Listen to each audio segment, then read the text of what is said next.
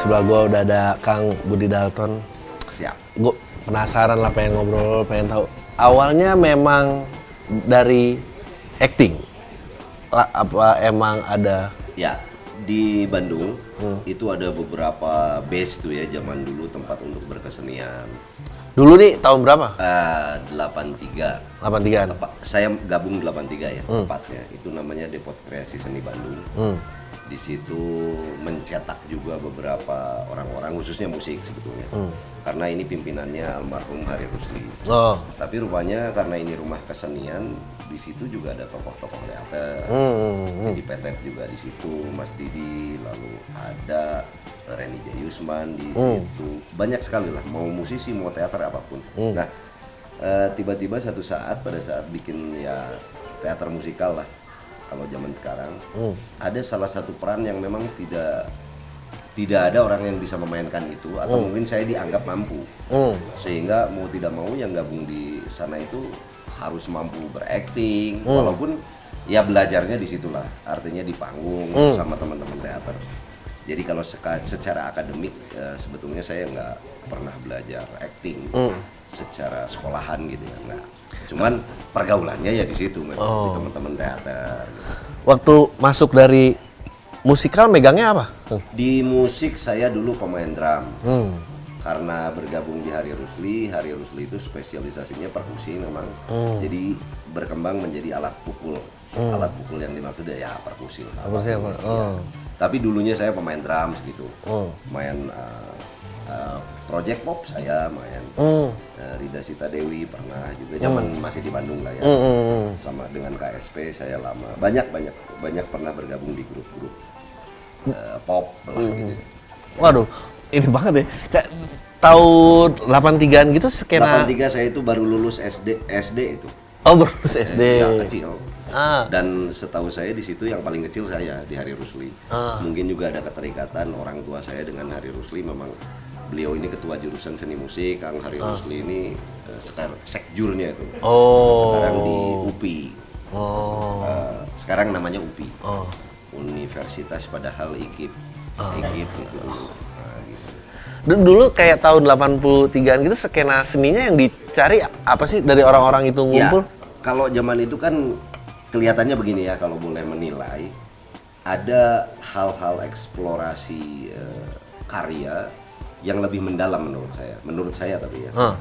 Eh, maksudnya pendalaman ini karena keterbatasan alat, keterbatasan teknologi, Ah. lalu tokoh-tokoh pun masih beberapa, Ah. tidak seperti sekarang lah, Ya. banyak ya tokohnya banyak, lalu sekolahannya udah ada, Hmm. maka kalau sekarang disebut apa ya komunitas ya, Hmm. komunitas itu lebih penting zaman dulu dibandingkan eh, yang sebutlah aspek legal, Hmm. karena kalau di komunitas kan kita bisa bergaul dengan orang-orang legal tadi, Hmm. legal yang dimaksud akademisi ya. Tapi tidak semua akademisi bisa bergabung di komunitas kan. Hmm. Artinya tidak bisa.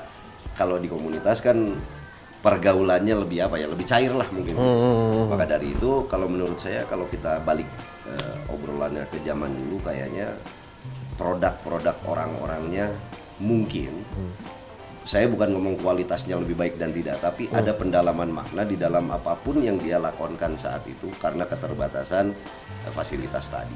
Mak- makna tuh dalam artian kayak eh, value hidup. Ya, nilai apa pun. Ah. Nah, contohnya misal bermain musik saat itu aja kita masih sangat kekurangan referensi untuk didengarkan kecuali mendengarkan radio-radio luar negeri lagi. Eh, Karena mungkin juga Indonesia belum sebagai salah satu tujuan pemasaran mereka sehingga sebenarnya top nih di luar nih, tapi kita belum tahu. Makanya kita dengerin radio luar negeri misalnya. Oh. Maka untuk ngulik lagu harus pada saat kita dengerin. Oh, Karena iya. alat rekam belum ada. Nggak ada, nggak ada, Kecuali kalau punya Walkman kecil Iya, kan. iya. Itu pun kedengerannya ya kayak begitulah gitu. eh. Maka dari itu ada perjuangan gitu. Eh. Kalau kita mau apa ya plagiat lagu orang lah zaman Eh. itu gitu ya.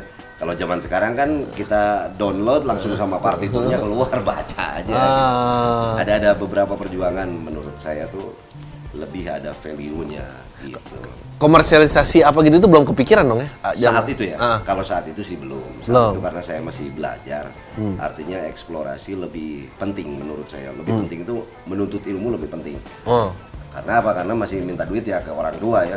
Baru masuk SMP kok saya gitu kan. Ah. Dari SD ke SMP. Jadi masuk masih apa? Masih benar-benar eh, ya belum kepikiran lah. Maka dari itu saya pernah ada satu grup band. Namanya Jack Daniels. Jack Daniels ini grup band tua. Tua itu yang saya maksud lama ya. Dan umurnya pun orang-orang berumur lah. Saya waktu itu masih SMP kelas 2 dan pemain drumnya itu memang eh, lagi sakit saya sama Kang Hari Rusli disuruh main sama mereka tanpa latihan tuh dua session di kafe. Ah, saya sih seneng aja gitu ya main-main dengan lagu-lagu yang saya tidak kenal saat itu lagu blues rock apa pun ya. Tapi waktu pulang saya dikasih uang 15.000 ribu. Hmm. Itu betapa apa, berharga buat saya sebetulnya. Itu 87 apa 88 ya? 47 dolar masih berapa tuh? Iya. Pokoknya saya eh, ingat sekali itu dapat duit apa 15.000 ribu rupiah. Mungkin itu juga yang salah satu merubah pikir ya. Hah. Oh, ternyata main kayak begini dapat duit nih saya bilang gitu ya. Karena masih SMP saat itu udah dapat duit besar gitu ya. Saat itu 15.000 ribu rupiah besar. Gitu. Pe- peng- pengarahan ke seni emang dari pilihan sendiri apa orang tua banyak campur tangan? Ya mungkin pilihan sendiri, tapi karena ada ketertarikan, rumah saya itu juga rumah.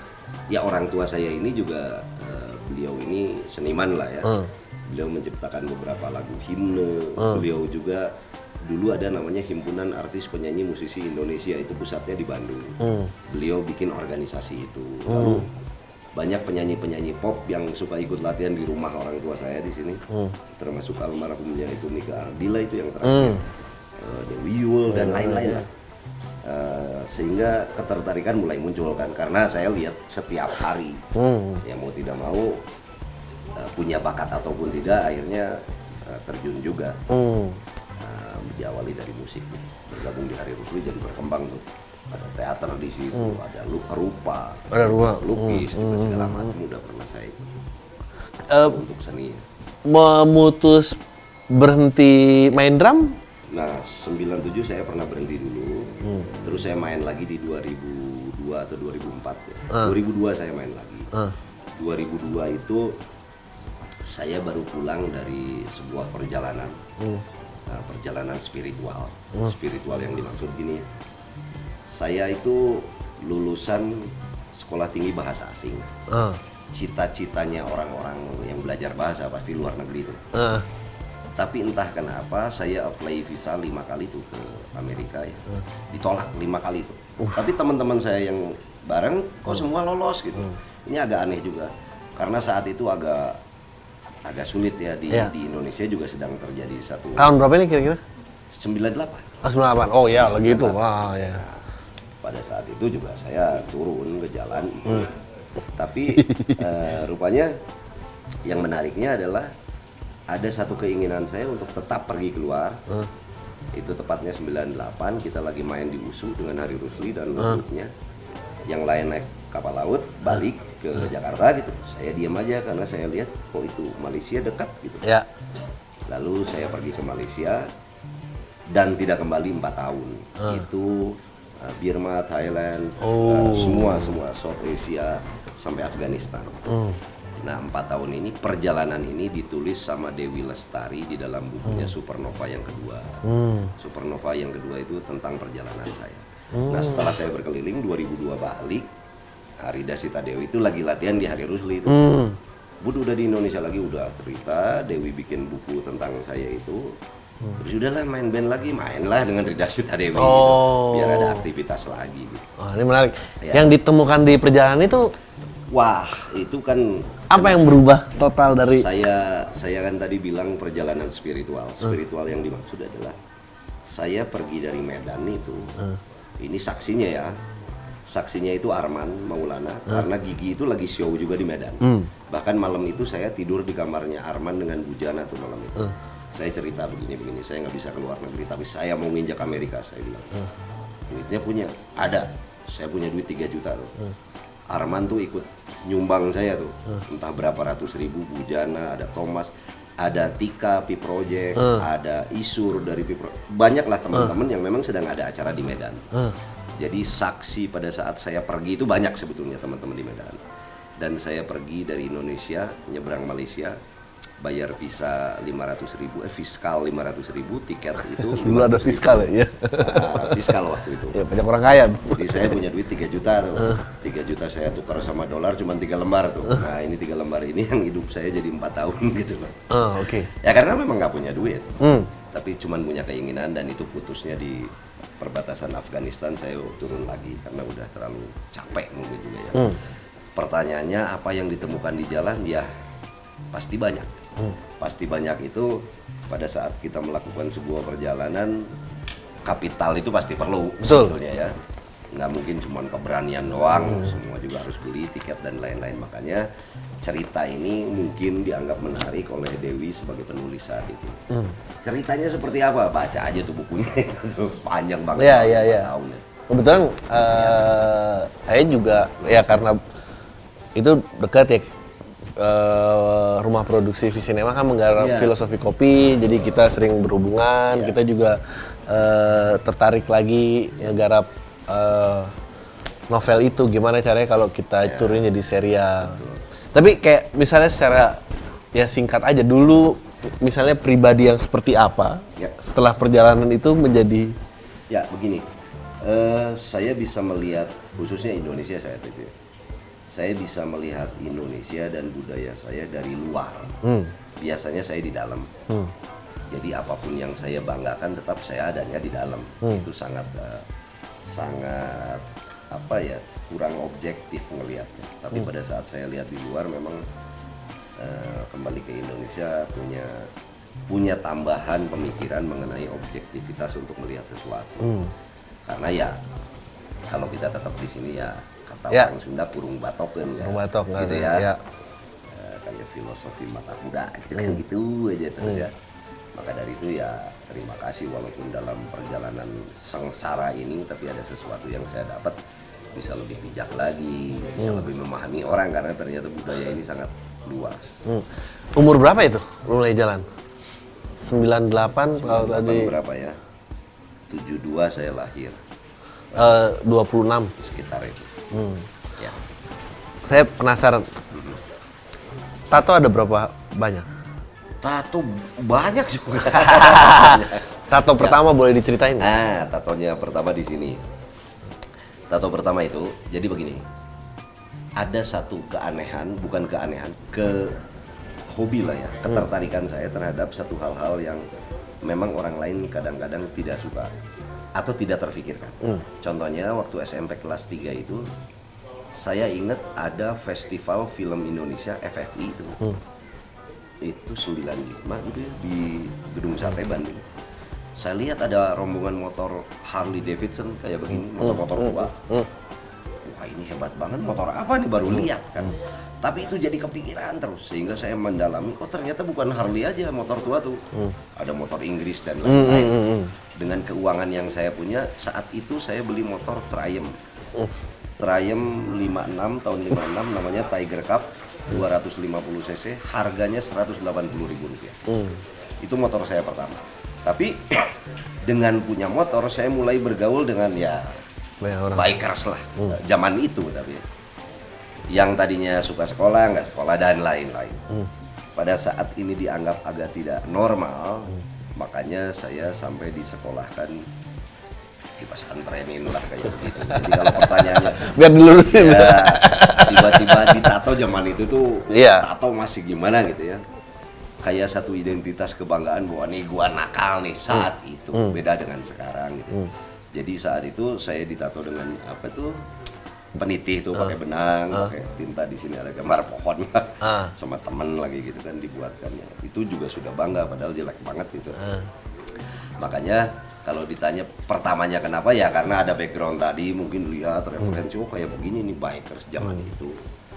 Ya, lalu 87 saya mulai punya motor sendiri Harley Davidson. Walaupun ya orang tua ya tetap aja imaneh nanaon Ah, beli itu Android? orang tua yang dari arah seni padahal tuh ya. padahal dari arah seni karena apa ekonomi lebih penting. Kalau kalau beli motor yang benar gua beliin.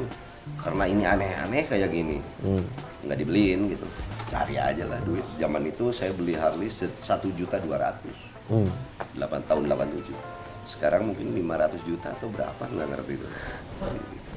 Nah sekarang Ah. eh, keputusan untuk bikin tato-tato yang lain itu Hmm. Ya. impuls apa yang memang selalu perlu makna? Nah, Apakah Setelah itu kan saya dapat perjalanan tadi ya. Hmm. Waktu saya berjalan memang di Thailand tidak sangat tipis sekali irisannya dengan seni tato di sana ya. Betul. Ada beberapa saktian yang saya bikin juga karena bagi orang Thailand tato itu sebagai identitas lah. Hmm. Identitas Anda apa, maka gambarnya ini gitu kan kurang lebih. Dan paling lama di perjalanan tadi memang saya paling lama di Thailand. Thailand hampir dua tahun lebih. Ah. Selebihnya di Burma, di Vietnam, di apa Vientiane tuh Ah. keliling lah pokoknya. Tapi paling lama saya di Thailand. Nah mungkin itu juga yang salah satu mempengaruhi saya bahwa tato itu biasa aja kalau di sana gitu kan. Sehingga saya mencoba dua tahun untuk mencoba biasa bikin apa-apa-apa gitu. Kadang-kadang ada yang ngasih gambar dari mereka ya bikin aja. Tapi waktu pulang ke Indonesia kok jelek banget ini. Jelek itu karena nggak nyambung gitu ya. Ya, ya, ya, Eh, ya. ada teman-teman sudah mulai modern lah dengan mesin-mesin zaman sekarang. Sini-sini saya sambungin ditambah ada aksen apa Sisik-sisik. jadi akhirnya Apa jadi Ah. ah, gitu. jadi kayak tato zaman sekarang mungkin gitu Ah. itulah A- apa yang bikin eh, Thailand itu menarik perhatian? ya kembali lagi di Thailand itu saya di kawasan road kawasan road itu kayak jalan jaksa gitu Ya. kalau Jakarta Bandung kayak Braga gitu. tempat persinggahannya para turis sehingga di situ sangat memungkinkan saya untuk bisa mendapatkan uang. Saya di situ jualan kalung. Jadi saya pergi ke Pattaya cari shell uh, kerang apa pun lah karang yang saya bisa bikin kalung. Jadi saya bikin kerajinan tangan dagang di pinggir jalan. Dan itu juga ada satu apa penghargaan apresiasi dari para wisatawan. Karena yang saya bikin berbeda dengan yang lain. Hmm. sehingga ada pertanyaan lu orang mana sebenarnya? Karena karya yang saya bikin kayaknya beda deh sama orang-orang sini kata dia gitu kan. Saya orang Indonesia saya bilang gitu. kalau wajah ya sama aja sih. Ya mirip. ya. Rumpun-rumpun Melayu Ya, lah. cuman pada saat berkarya ini agak beda gitu kan. Nakal-nakal dikit desainnya gitu kan. Ya dari situ ya akhirnya eh, kenapa pilihannya Thailand tadi? Karena yang selama perjalanan sampai saya ke ke atas di Tibet juga saya sempat. Oh, ya, ke mana-mana jadi saat itu ya. Tapi tidak ada yang mungkin untuk saya bisa bertahan mencari uang. Yang paling mungkin ya di Thailand makanya saya balik lagi di Thailand akhirnya saya yang menariknya selama perjalanan empat tahun ini bukan saya pengen sok-sokan kayak backpackers gitu bukan. Emang nggak punya duit buat balik. Sehingga di Thailand saya ketemu teman banyak yang baru pada pulang belajar di daerah lama. Mereka tanya Budi apa kabar? Saya mau main gitar dia belum. Ya. Ini di ujung jalan aja. Saya lagi dagang tuh. Main aja di sana mereka gitar-gitaran lah sambil minum bir kayak begitu kan. Saya beres dagang jam 2 malam, saya lihat masih ada tuh. Lagi pada ngumpul minum bir. Saya pinjam aja gitarnya main. Saya nggak pernah tahu kamu bisa main gitar dia bilang kan. Saya bilang di Indonesia tukang beca juga bisa main gitar. Laki-laki semua bisa main gitar. Terus dia bilang coba lagu ini. Wah, lagu standar lah, standar mereka sambil minum lagu Beatles, Rolling Stone. Terus saya bawain. Saya bawain lagi. Terus dia minta request apa? Itu dari teman-teman tadinya enam orang karena ini bubaran diskotik kurang lebih itu 60 orang tuh di di trotoar. Ngumpul tuh bule-bule ada yang beli bir apa. Teman saya ini ngingetin. Budi, mana itu topi kamu? Ada sih. Keluarin. Taruh aja topi di tengah. Gitu kan? Tadinya saya dikasih bir terus. Taruh topi di tengah, ada yang ngasih duit. Terus aja. Itu dibubarin polisi setengah enam pagi itu. Saya masih ingat. Dibubarkan polisi setengah enam pagi. Dan duit inilah yang bisa nganter saya pulang. Saya hari itu juga nunggu travel agent ini buka. Eh. Travel agent buka, saya beli tiket buat bulan depan ke Indonesia. Saya. Karena uang ini cukup untuk beli tiket. Yang gobloknya tahu begitu dari dulu saya ngamen. Nggak perlu keliling-keliling. Tahu begitu ya dari dulu. Jadi pencarian spiritual tuh kecelakaan ya sebetulnya. Endingnya itu. Dengan satu malam aja saya dapat duit. ya. Dapat duit balik ke Indonesia. Ya ampun. Kalau gitu kalau gitu ya duit 3 juta yang awal beli gitar aja lah padahal gitu. daripada jualan apa-apa aduh. Waktu umur 26 Hmm. memutuskan ya udah pergi aja nggak pernah kepikiran takut atau Ya, eh 26 si ini udah punya usaha, si Ya. ini udah kawin apa. Jadi begini, ada supata kalau orang Sunda bilang supata. Supata itu berjanji kepada diri sendiri. Eh. Pokoknya aing kudu gitu lah. Berjanji kepada diri sendiri itu ada satu kondisi emosional dari saya. Karena saya lihat teman saya itu semua berhasil. Berhasilnya maksudnya tiba-tiba kerja di kapal, tiba-tiba kerja di hotel. Ya, kita dari bahasa asing pasti eh, apa hubungannya dengan perhotelan lah atau kapal putih, kapal pesiar gitu ya. Si ini berita udah punya apa, ini berita udah punya apa. Saya sementara lima tahun, lima kali apply visa tiap tahun ditolak terus. Entah apa. Mungkin zaman itu memang rumah musik Hari Rusli juga rumah pergerakan kan, Eh, pergerakan yang dimaksud politik bawah tanah. Ya, politik gitu bawah lah tanah. Ya. Heeh. Eh, ya lah seperti di Jakarta juga banyak kan di tempat-tempat pergerakan. Mungkin itu yang jadi pertimbangan saya nggak dapat visa gitu ya. Mungkin tapi. Iya. Tapi akhirnya saya Udah diawasin orang. Nah, maka dari itu saya supata tadi pokoknya ku aing Amerika kudu ditinjak. Saya harus sampai Amerika apa pun caranya. Dan gobloknya tuh ternyata Malaysia juga kan luar negeri dan dekat. Amerika gitu. Jauh-jauh banget ini. Padahal saya harusnya saya harus nginjak luar negeri lah gampang kalau gitu. Tapi saya janjinya dulu Amerika jadi kejauhan lewat darat mah gitu. Orang tua gitu apa nggak ngarang? Jadi yang menarik begini, waktu di Thailand ada beberapa bule, saya juga coba ingin dekat dengan mereka. Siapa tahu saya bisa guiding mereka untuk bisa mendapatkan uang gitu ya. Tapi saya deketin, kabur dia. Saya deketin kok nggak ada yang mau deket dengan saya. Ternyata di setiap hotel, karena saya belum pernah tidur di hotel di Thailand. Di setiap hotel itu ada travel warning. Hati-hati di jalan itu gitu ya. Kalau ketemu orang yang berkemeja rapi, banyak yang penipu lah di kawasan road itu. Kenapa saya berkemeja? Karena kan saya pulang show dengan hari Rusli itu baju-baju show semua, kemeja rapi gitu dan saya nggak punya baju. Nah semenjak itu si baju ini nggak pernah saya pakai, saya beli kaos doang, beli celana komprang gitu aja ke mana-mana. Gitu. Waktu itu di Vietnam, lalu saya kembalikan itu semua tas sama sepatu ke Indonesia. Itu setelah perjalanan mungkin satu tahun lebih.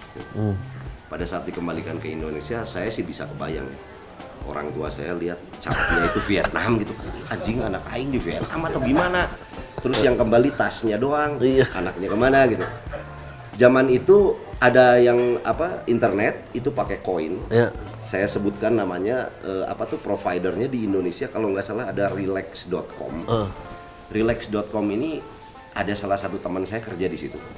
Jadi saya coba bikin email di Thailand pakai koin internetnya. Terus saya kontak dia eh bisa nih saya bilang ngirim surat kan. Saya kasih tahu hey apa kabar wah saya Budi saya lagi ada di Thailand. Bilang. nah barulah tahu semua orang di sini bahwa saya di Thailand selama satu tahunan lebih. Terus saya di Vietnam di mana saya selalu kabarin dia. Saya baru ngerti juga internet zaman itu kan. Dan saya kan tidak punya handphone zaman itu masih pakai pager gitu kan. Pager udah nggak nggak ada hubungannya kalau kita ke luar negeri Iya, kan. iya, iya. jadi sama sekali nggak ada komunikasi waktu itu pengalamannya Balik Ya. masih main drum, Mhm. tadi udah mulai acting, ya jadi guru 99 99 ya ya. Eh kenapa memutuskan menjadi guru? jadi begini Kang Hari Rusli ini ada sebuah universitas namanya Universitas Pasundan membuka sebuah jurusan baru Nam- eh, jurusannya jurusan musik. Dan yang di situ Hari Rusli untuk eh, pengajar aktingnya Bidi Petet. Hmm. nah karena ini baru dibuka jurusannya maka Hari Rusli membawa pengajar-pengajarnya dari tempat kursusnya dia Oh. makanya saya ngajar di sana sebagai dosen luar biasa bukan bukan dosen akademik gitu ya. Oh. saya sebagai dosen tamu lah gitu awalnya tapi tiba-tiba yang ini keluar keluar keluar termasuk saya. Saya juga keluar.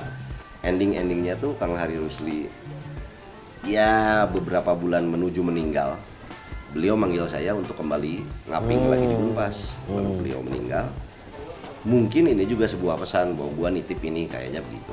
Dan mungkin Pak Rektor tahu sehingga sampai sekarang saya terus saja di situ. Walaupun sebetulnya secara akademik saya bukan dari musik bukan dari acting bukan sebetulnya tapi saya ada di di dalam struktural atau jabatan struktural di Universitas Pasundan saya sebagai wakil dekan 3 Fakultas Ilmu Seni Sastra di Unpad. Sekarang masih di Yang membuat seni acting itu Ya. paling unik tuh ya. apa? Bang?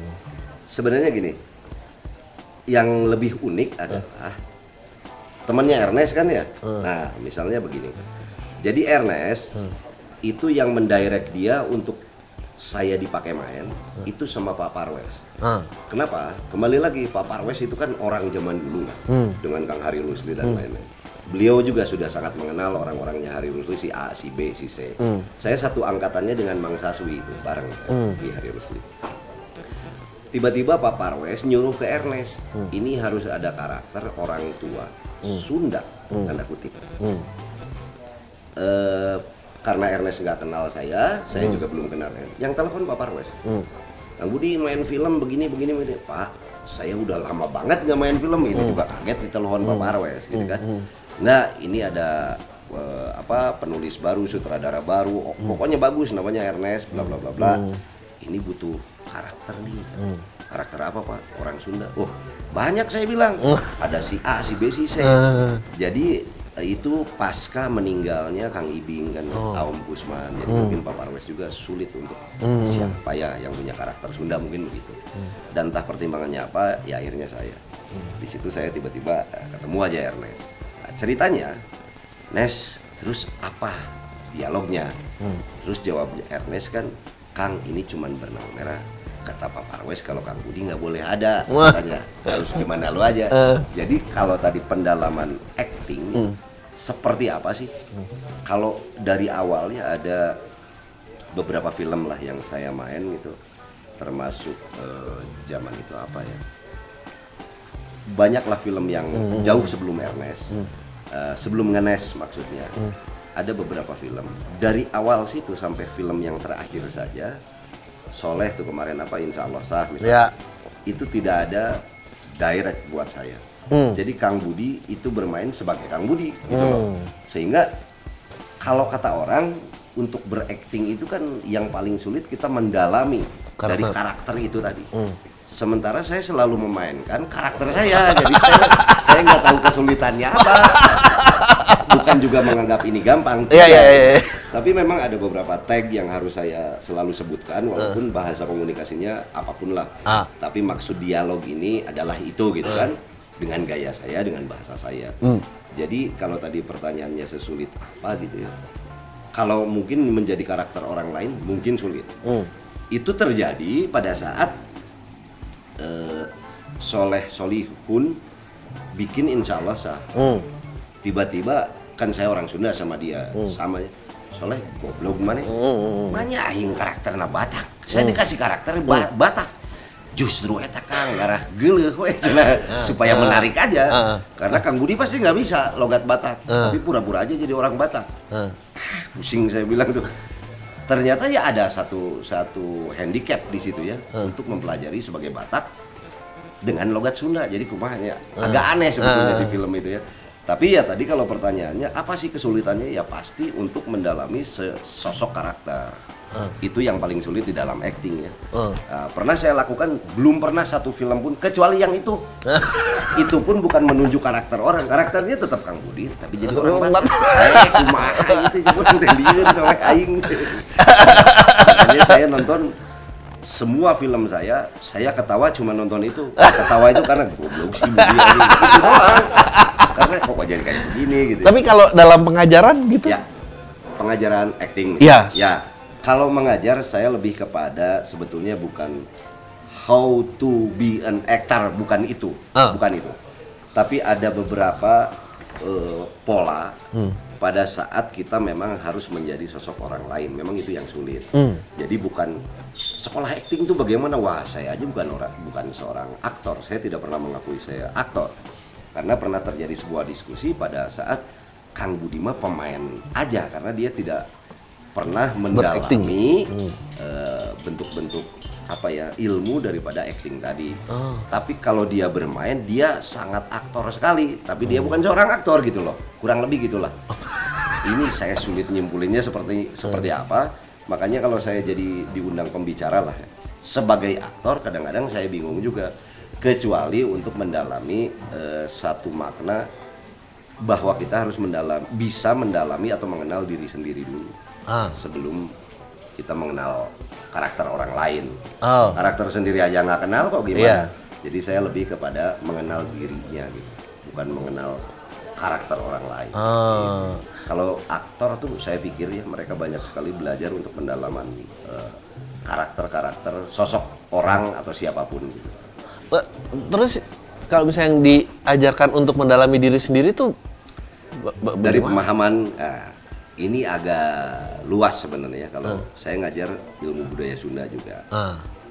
Jadi pengenalan diri sendiri yang dimaksud dari mana kamu, di mana kamu, akan ke mana kamu. Ini tuh ilmu, bukan ilmu lah. Ini sebuah ajaran dari para leluhur yang memang turun temurun sampai saat ini kita tidak pernah menyadari bahwa kita ini sebagai bangsa yang adiluhung dan lain-lain bukan berarti tidak ada metodologinya, ada sebetulnya.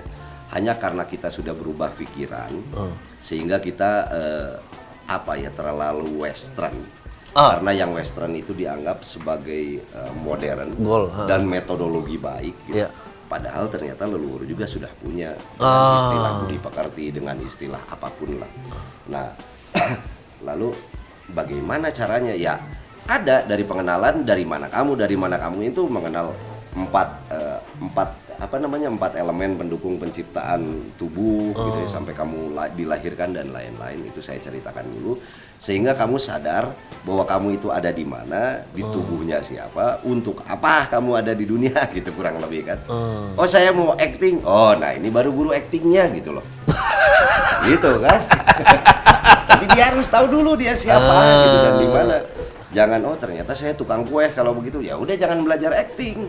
Itu dia Oh. harus ya dia harus tahu dulu karena eh, kalau zaman sekarang akhirnya di dalam perilaku itu suka disebut dengan bakat gitu ya Iya. dia punya bakat atau tidak kurang lebih itu ya Eh. itu juga akan bisa muncul hanya dengan cara-cara berdialog bahwa dia oh sebenarnya tidak ada bakat acting itu tidak tidak serta merta harus dengan gerakannya dulu koreografi seperti apa atau gesturnya jangan dulu dari dialog aja udah ketahuan kok bahwa dia itu sebenarnya belum siap untuk jadi aktor Wah, lebih gitulah it- itu garisnya di mana? apa itu Garis garis bakatnya. kalau menurut saya Ah. paling mendasar Ah. sebelum menuju ke bakat itu jadi kalau yang bisa ngomong saya berbakat dan tidak sebetulnya dia bukan orang lain Oh. kalau sekarang kan kita sebagai penilai ini orang Ah.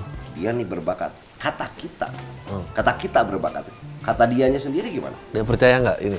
Nah, maka dari itu pengenalan diri itu adalah untuk dia katanya kan begini. Barang siapa yang mengenal dirinya tentu akan mengenal Tuhannya, katanya itu Hmm. ada statement itu. Kalau dia mengenal Tuhannya itu ada di dalam diri, maka akan ada percaya dirinya. Hmm. Kalau dia sudah percaya sama dirinya baru ada harga dirinya. Hmm. Nah, ini eh, turunan-turunan ini yang bisa kita lihat dia nih punya harga diri nggak nih orangnya Oh, menarik. atau dia pede atau enggak gitu Betul, kan ya betul. pada saat dia tidak pede pasti dia belum kenal dengan diri Iya. maka sebelum anda acting mending kita mengenal diri dulu gitu loh Oh. acting itu kan lebih kepada sebuah pekerjaan eh, profesinya gitu ya Iya. profesinya tapi yang lebih penting adalah sebelum anda mengenal profesi anda anda mendingan mengenal diri anda dulu Hmm. supaya anda punya batasan kayak tadi si Budi ini nggak bisa mau dipaksain jadi Batak juga gitu loh Iya, betul. gitu itu yang bisa menentukannya kita jangan orang lain gitu loh Ya, jadi kayak eh mulai tahu lu tuh siapa, Mhm. terus mengamini juga keterbatasannya betul ada di mana. betul Dan yang jarak itulah yang harus dipercayai sungguh-sungguh gitu. betul artinya kan begini kita ini ada di kita sebut aja alam ini di ruang Ya. di alam ini kamu pernah mengalami apa Hmm. ya Ya. apa yang kamu pernah alami sehingga kamu melaksanakan itu sehingga itu menjadi dasar pengalaman Hmm. sudah diaplikasikan artinya. jangan anda mendalami yang ini tiba-tiba yang anda lakukan adalah itu gitu loh Oh, oke. itu maksudnya maksudnya mengenal diri tadi itu itu Seperti manusia berusaha menemukan kodratnya gitu. Iya, kurang lebih itulah bahasa sekarang jati Ya, diri dan ya, betul. walaupun mungkin di dalam pelajarannya tidak perlu sedalam itu, itu hanya satu trigger aja supaya Aspek. dia tetap gua ini akan melakukan ini karena memang nggak ada paksaan siapa pun dan saya mampu gitu. Supaya muncul percaya diri sebetulnya. Hmm. Goalsnya apa tadi? Goalsnya adalah percaya diri. Kalau belum pernah percaya diri, sehebat apa pun aktor, Iya betul. bakal ah ini sih acting Karena ah, dia- ini itu kan kita menilai dari luar ya eh, juri lah seorang juri yang sudah Hmm. eh, kawakan gitu dia udah langsung bisa lihat ah ini mah Hmm. nggak pede ini orang atau apa pun istilah mereka ya karena dia belum kenal sama dirinya gimana mau percaya Eh, ini saya penasaran. Sih saya Ya. dengar do- doang, saya Ya. belum pernah menyaksikan. ya Artinya dalam mengajar pun melibat ngomong kasar apa dan segala macam. I- i- itu kenapa alasannya? Ada alasannya apa emang Ya, ya ya. udah personality aja gitu? Hmm, gini, kasar. Jadi gini, ada mungkin sudut pandang yang beda. Hmm. Orang akan kaget gitu ya. Kayak misalnya kalau di bahasa Sunda ada yang suka ngomong anjing gitu. Hmm. Makna ngomong anjing di bahasa Sunda dan sebut aja kita ngomongnya di Jakarta, itu pasti sangat beda rasanya, rasanya. Hmm. Betul. Kayak saya ngomong anjing di Jogja, orang ketawa-ketawa aja. Tapi kalau saya ngomong asu, dia pasti kesinggung. Ya. Saya ngomong anjing ke bule, diam aja dia. Tapi ngomong fuck you pelan-pelan juga dipukul gitu kan, ya kurang lebih gitu. Nah, tapi ternyata karena si anjing ini sudah eh, menjadi bahasa yang dianggap keseharian walaupun sebagian orang menganggap kasar. Tapi ternyata eh, ada satu satu apa ya satu statement anjing itu bagi orang Sunda di budaya Sunda yang zaman sekarang tapi ya anjing itu itu koma titik itu biasanya goblok. Gitu kan? Iya. ke mana wae anjing? Ah siapa goblok? Itu misalnya ya tapi bukan berarti itu menghina Iya. bukan kalau ke orang yang nggak kenal sih ya iya Ya, akrapan lah ya misalnya. maka dari itu ini bisa dianggap kasar bagi orang-orang yang memang tidak mengenal gitu ya Hmm. maka kan terjadi apa eh, metamorfosis dari kata anjing menjadi anjrit menjadi anjis Ya. menjadi apa pun Ya. agar dianggap lebih eh, sopan gitu. padahal kalau maknanya tetap itu ya kasar aja tetap sebenarnya kan Iya, iya, Nah, makanya gimana cara mengakil- mengakalinya biasanya orang Sunda paling ditambah dengan punten Hmm. punten anjing gitu. mana goblok ya gitu jadi itu cuma titik dan koma sebetulnya tapi kalau didengarnya memang di kelas seolah-olah kan ini "Ah, anjing si Budi mah pieu ngajar teh gitu lah ya bukan apa-apa kalau buat saya sih saya cuman mencoba untuk tidak saya berbeda dengan dia Oh, oke. dengan Menarik, mahasiswa saya betul. gitu. saya tahu kok dengan gaya tapi pada saat di seminar sebutlah begitu saya sebagai akademisi ya tentunya saya tidak pernah. Ya betul betul. remnya tuh nggak tahu ada di mana sebetulnya tapi saya kadang perasaan saya nggak nggak. Ke- Kenapa penting untuk nggak membedakan derajat? ya.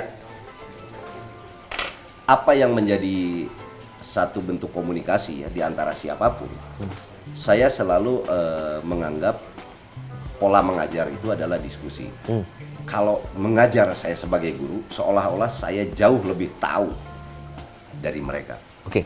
padahal belum tentu Hmm. yang disebut ilmu itu kan sudah ada. Apa pun yang namanya ilmu, Ya. ilmu apa pun itu sudah ada. Ya. Yang jadi masalah yang duluan tahu Siapa? kamu Oh. atau saya. Kalau kamu yang duluan tahu, maka kamu akan disebut sama saya orang pintar. Hmm. Karena Anda lebih dulu tahu, kalau saya enggak. Nah, maka dari itu kalau kita penulisan skripsi atau apa pun, selalu di situ ada research atau riset. Hmm. Kalau research itu berarti mencari kembali. Berarti sudah ada ilmu mas sebetulnya. Hmm. Betul. Tinggal ya, Ya. nggak ada yang menciptakan ilmu nggak ada. Udah ada dari dulu. Tinggal siapa yang duluan menggali itu kembali. Gitu Hmm. aja. Gitu maka agak sulit kayaknya kalau saya menempatkan diri saya lebih atas dari mereka. Sementara ada sebuah ilmu yang selalu saya dapat juga dari mereka yang saya tidak pernah tahu.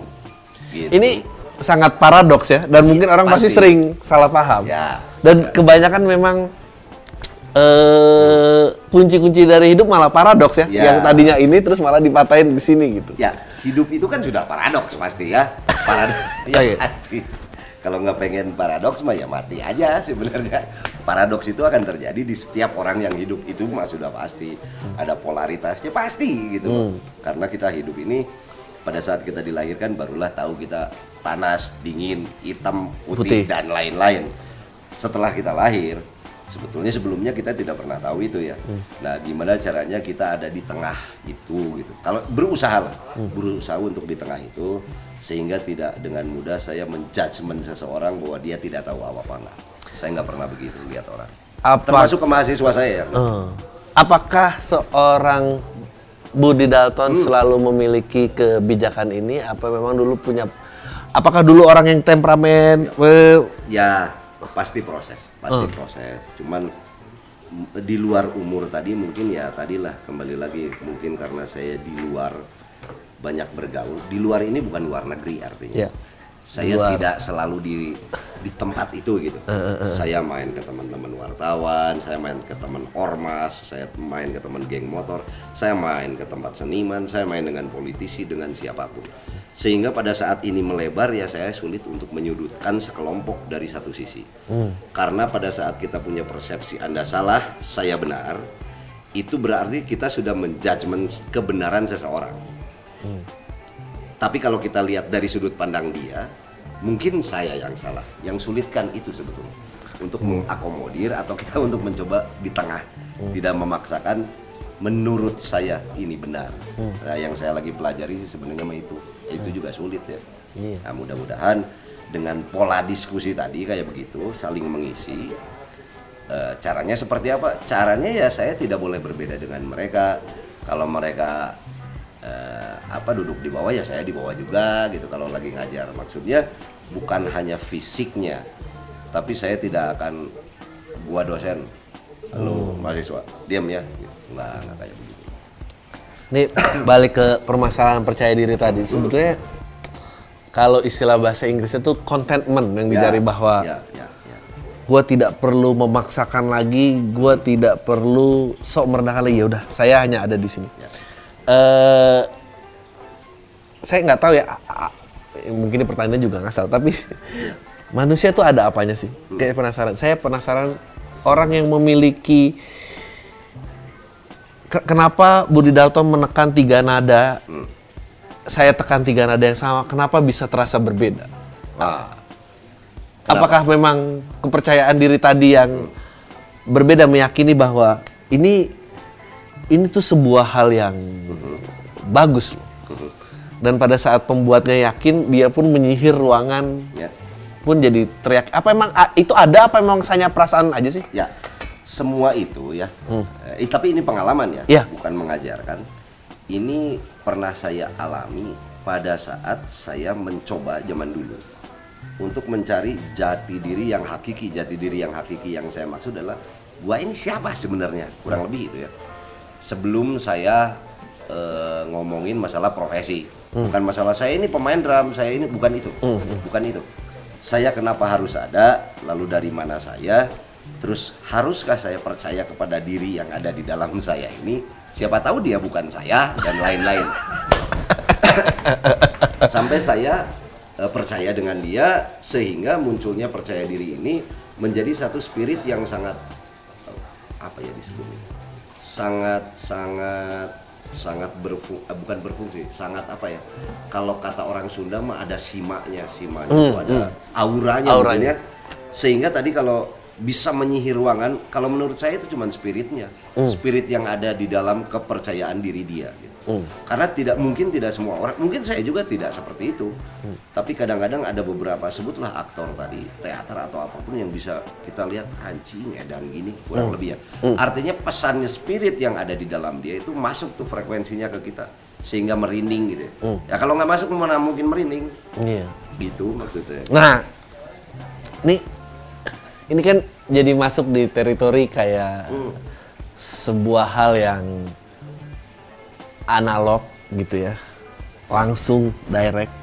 Eh, Bu, Kang Budi gitu menyikapi perkembangan digital tuh Ya.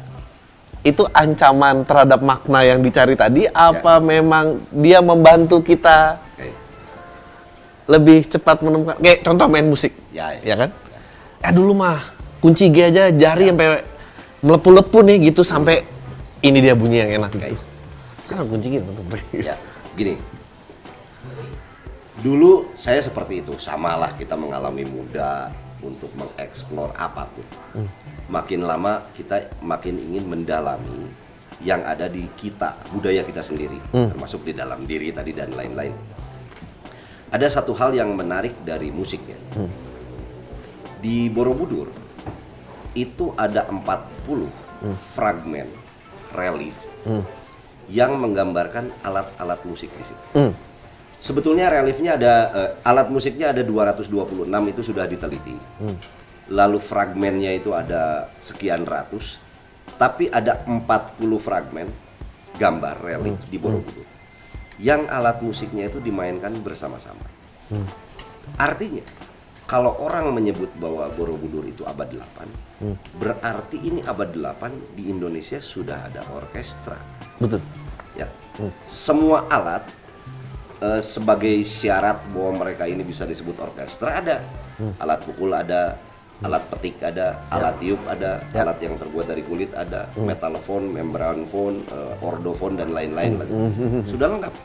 Artinya orkestra sudah ada. Kalau sudah ada orkestra artinya ada chord Ya. kalau ada chord berarti sudah ada harmoni Ya. Orang yang bisa memainkan harmoni hanya orang-orang yang sudah tercukupi kebutuhan primernya. Oke. Ya.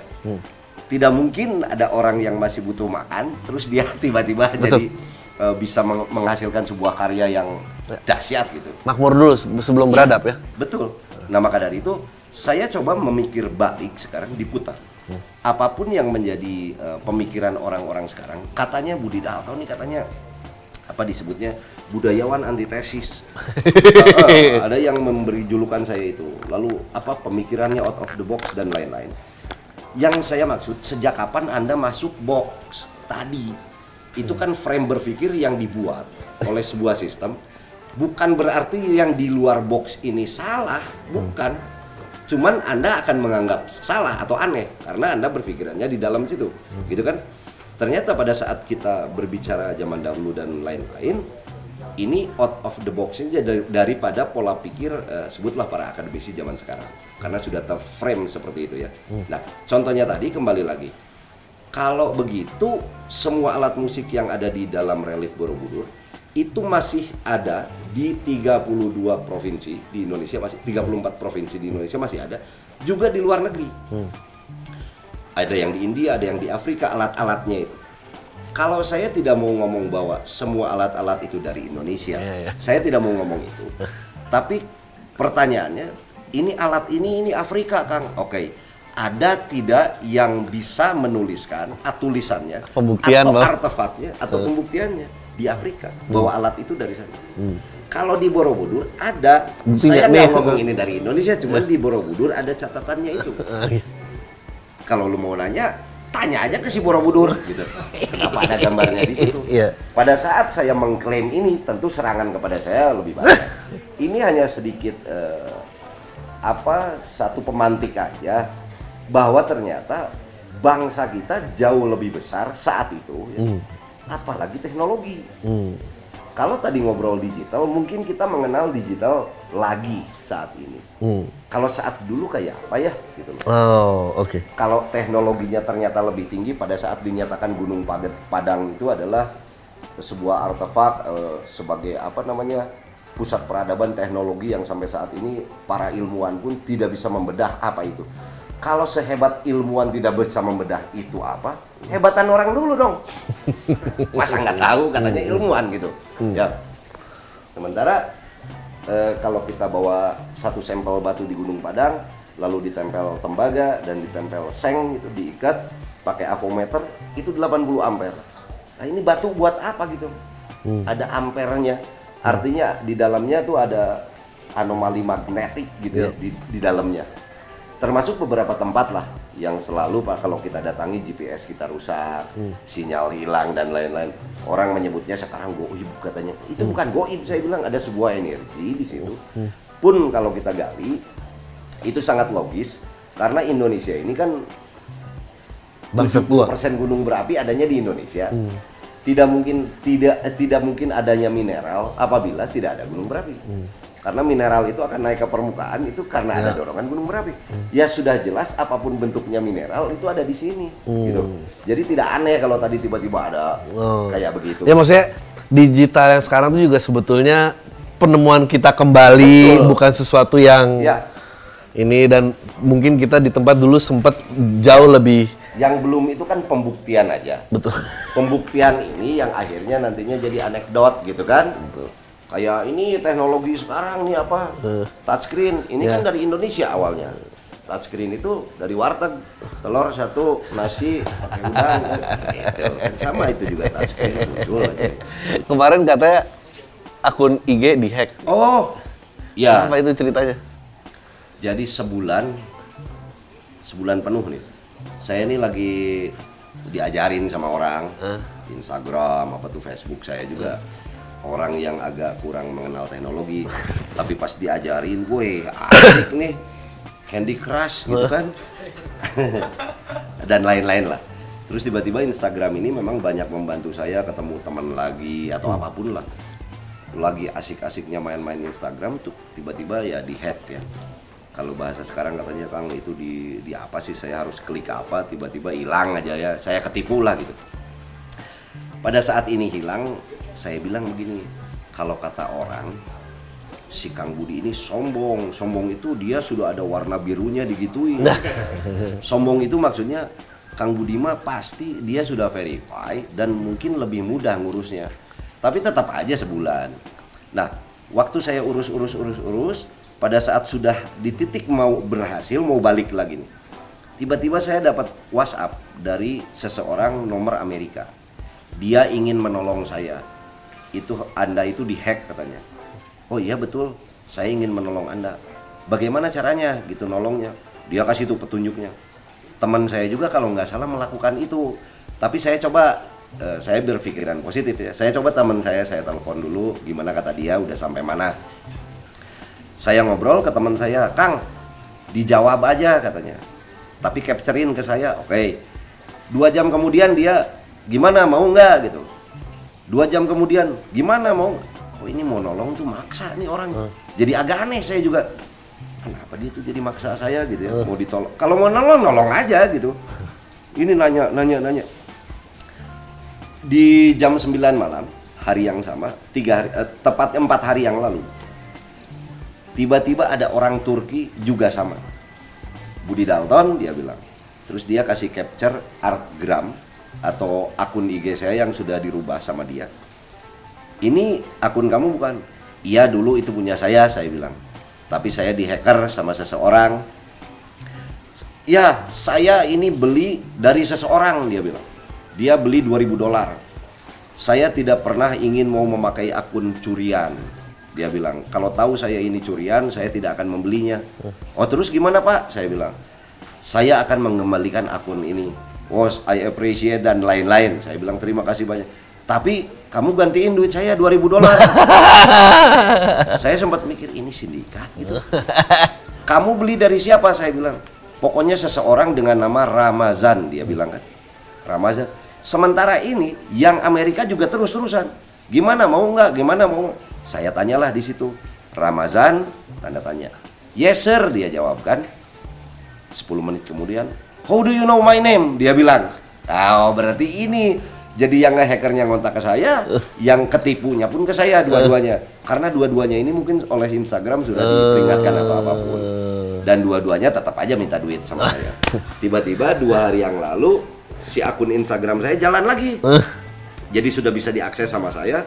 Terus si orang itu nanya ke saya itu IG kamu jalan lagi kamu bayar? Katanya ke orang Turki gitu. Siang Amerika curiga saya bayar ke Turki yang Turki juga nanya ke saya kok itu jalan lagi? Kamu beli dari si hacker itu? katanya. Padahal saya nggak beli ke siapa-siapa memang itu dari Aneh-aneh aja banget gitu. ya. hanya yang jadi masalah pada saat saya di hacker dan username-nya berganti nama nama saya ada yang pakai banyak. Sehingga ini menyulitkan saya untuk mengganti username saya kembali ke nama saya gitu loh. Karena namanya sudah dipakai orang gitu. Tapi ya sekarang baru baru dua hari ini udah udah jalan lagi. Kalau buat saya masalah IG di hacker saya nggak ada masalah. Tapi yang saya kasihan kan fans saya. kasihan mereka nggak tahu berita tentang saya.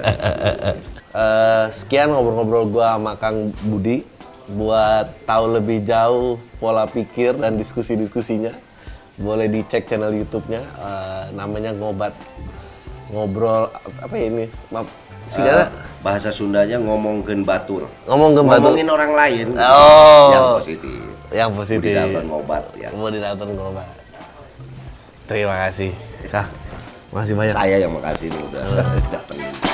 mantap nih jam 12